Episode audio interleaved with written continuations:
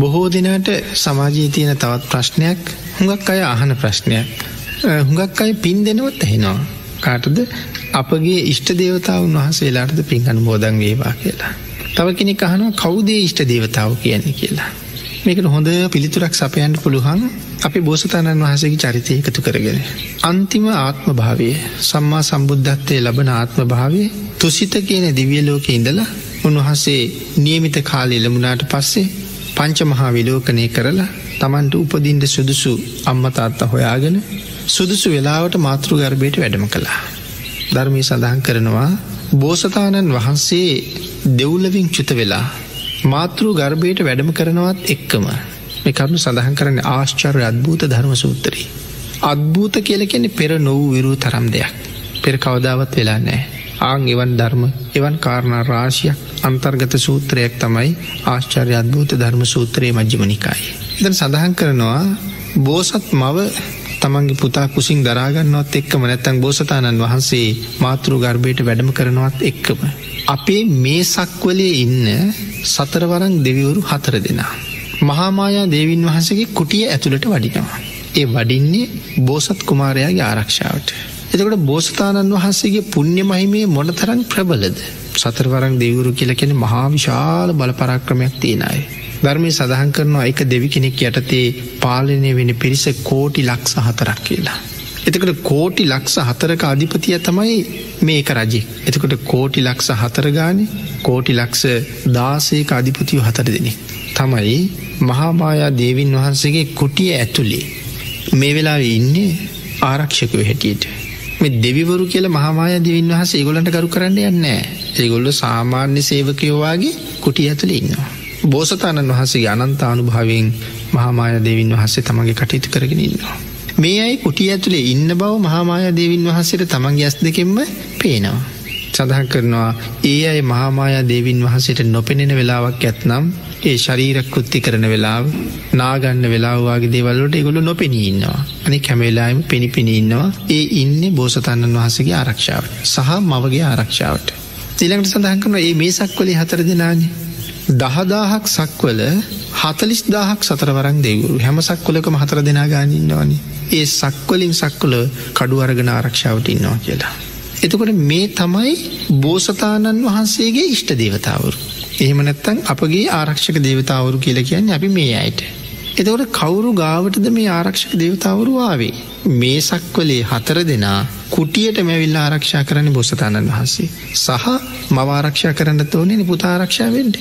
එමනං දහදාහක් සක්වල හතලිස් දාහක් කඩුවරගත්තේ ආංගේ උතුමාණන් වහන්සේගේ ආරක්ෂාවට. එන මේ ශ්‍රේෂ්ඨ උත්තමයන් වහන්සේ මේ ලෝක දහතුවට නිරු පද්‍රිතව බිහිවෙන්ඩෝනේ.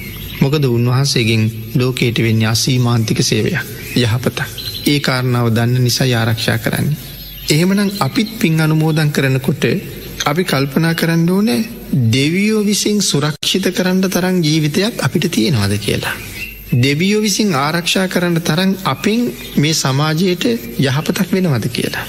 අපි ගාව සමාජයේ සුවපත් කරවන ගුණධර්ම තියෙනවාද කියලා. ඒමුණොත් අපිට ඉෂ්ට දේවතාවරු ඉන්නවා කියලා හිතන්න පුළුවන්.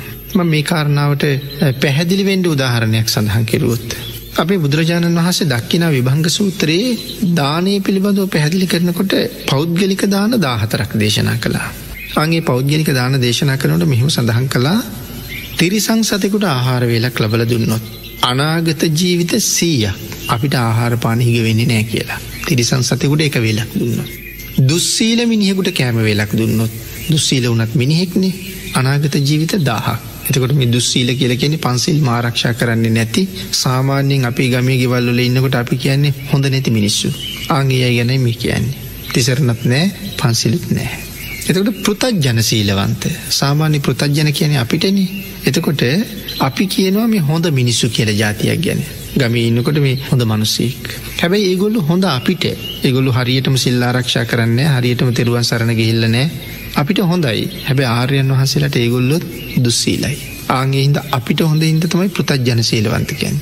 එහෙම කෙනෙකුට කෑම වේලක් ලබල දුන්නොත් අනාගත ජීවිත ලක්සකට අපි කෑම හම්බ කරගත්ත වෙනවා. අහසින් යන තවසේ හැබැයි තෙරුවන් සරණ නෑ එයාට කෑම වේලක් ලබල දුනුත් අනාගත ජීවිත කෝටි ලක්ෂය. ආං ඊලකට භාගතුන් වහස සඳහන් කරනවා මේ සම්මා සම්බුද්ධ ශාසනයේ පටන්ගන්නම තැන ඉන්න කෙනා. තෙරුවන් සරණ ගිහිල්ල පන්සිල් රකින කෙනා. ආං එයාට කෑම වේලක් දෙන්න පුළුවන් වුණොත් අනාගත ජීවිත අසංකේයක ආනිසංස ලැබෙනවා. පන්සිල් නැහැ අහසින් යන තවසකුට කෑම වෙලක් දුන්නොත් අනාගත ජීවිත කෝටි ලක්ෂයයි තෙරුවන් සරණ ගිහිල්ල පන්සිල් ආරක්ෂා කරන මිනිහෙකුට කෑම වෙලක් දුන්නොත් අනාගත ජීවිත අසංකීයකට අපි කෑම හම්බ කලා වෙනවා.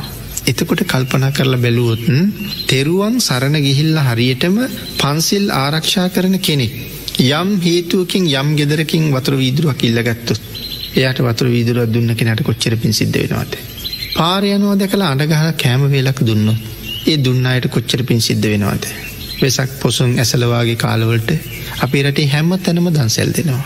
ආංගේ දන්සැලක් ගාවට තෙරුවන් සරණ ගිහිල්ල පන්සිල් ආරක්ෂා කරන කෙනෙක් ඇවිල්ල එක බත් පාර්සලයක් ඉල්ලක් එතනින් කාලගියොත්. දන්සැල දුන්නායට අනාගත ජීවිත අසංකයකට කෑම හම්ප කරගත්ත වෙනවා.